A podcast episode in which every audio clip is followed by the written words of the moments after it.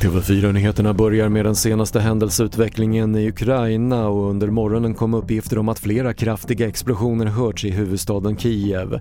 Ukrainas president Volodymyr Zelensky uppger att 137 personer dödats och över 300 skadats i strider under gårdagen.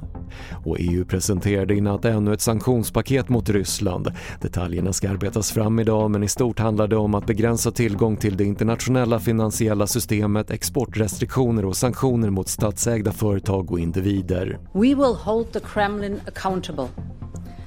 The package of massive and targeted sanctions European leaders approved tonight clearly demonstrates that. It will have maximum impact on the Russian economy and the political elite.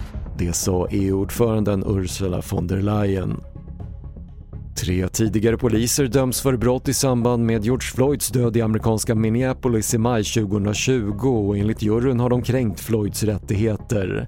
Deras straff har inte bestämts än men tidigare dömdes deras kollega till 22 års fängelse för att ha dödat Floyd. Fler nyheter hittar du på TV4.se. Jag heter Patrik Lindström.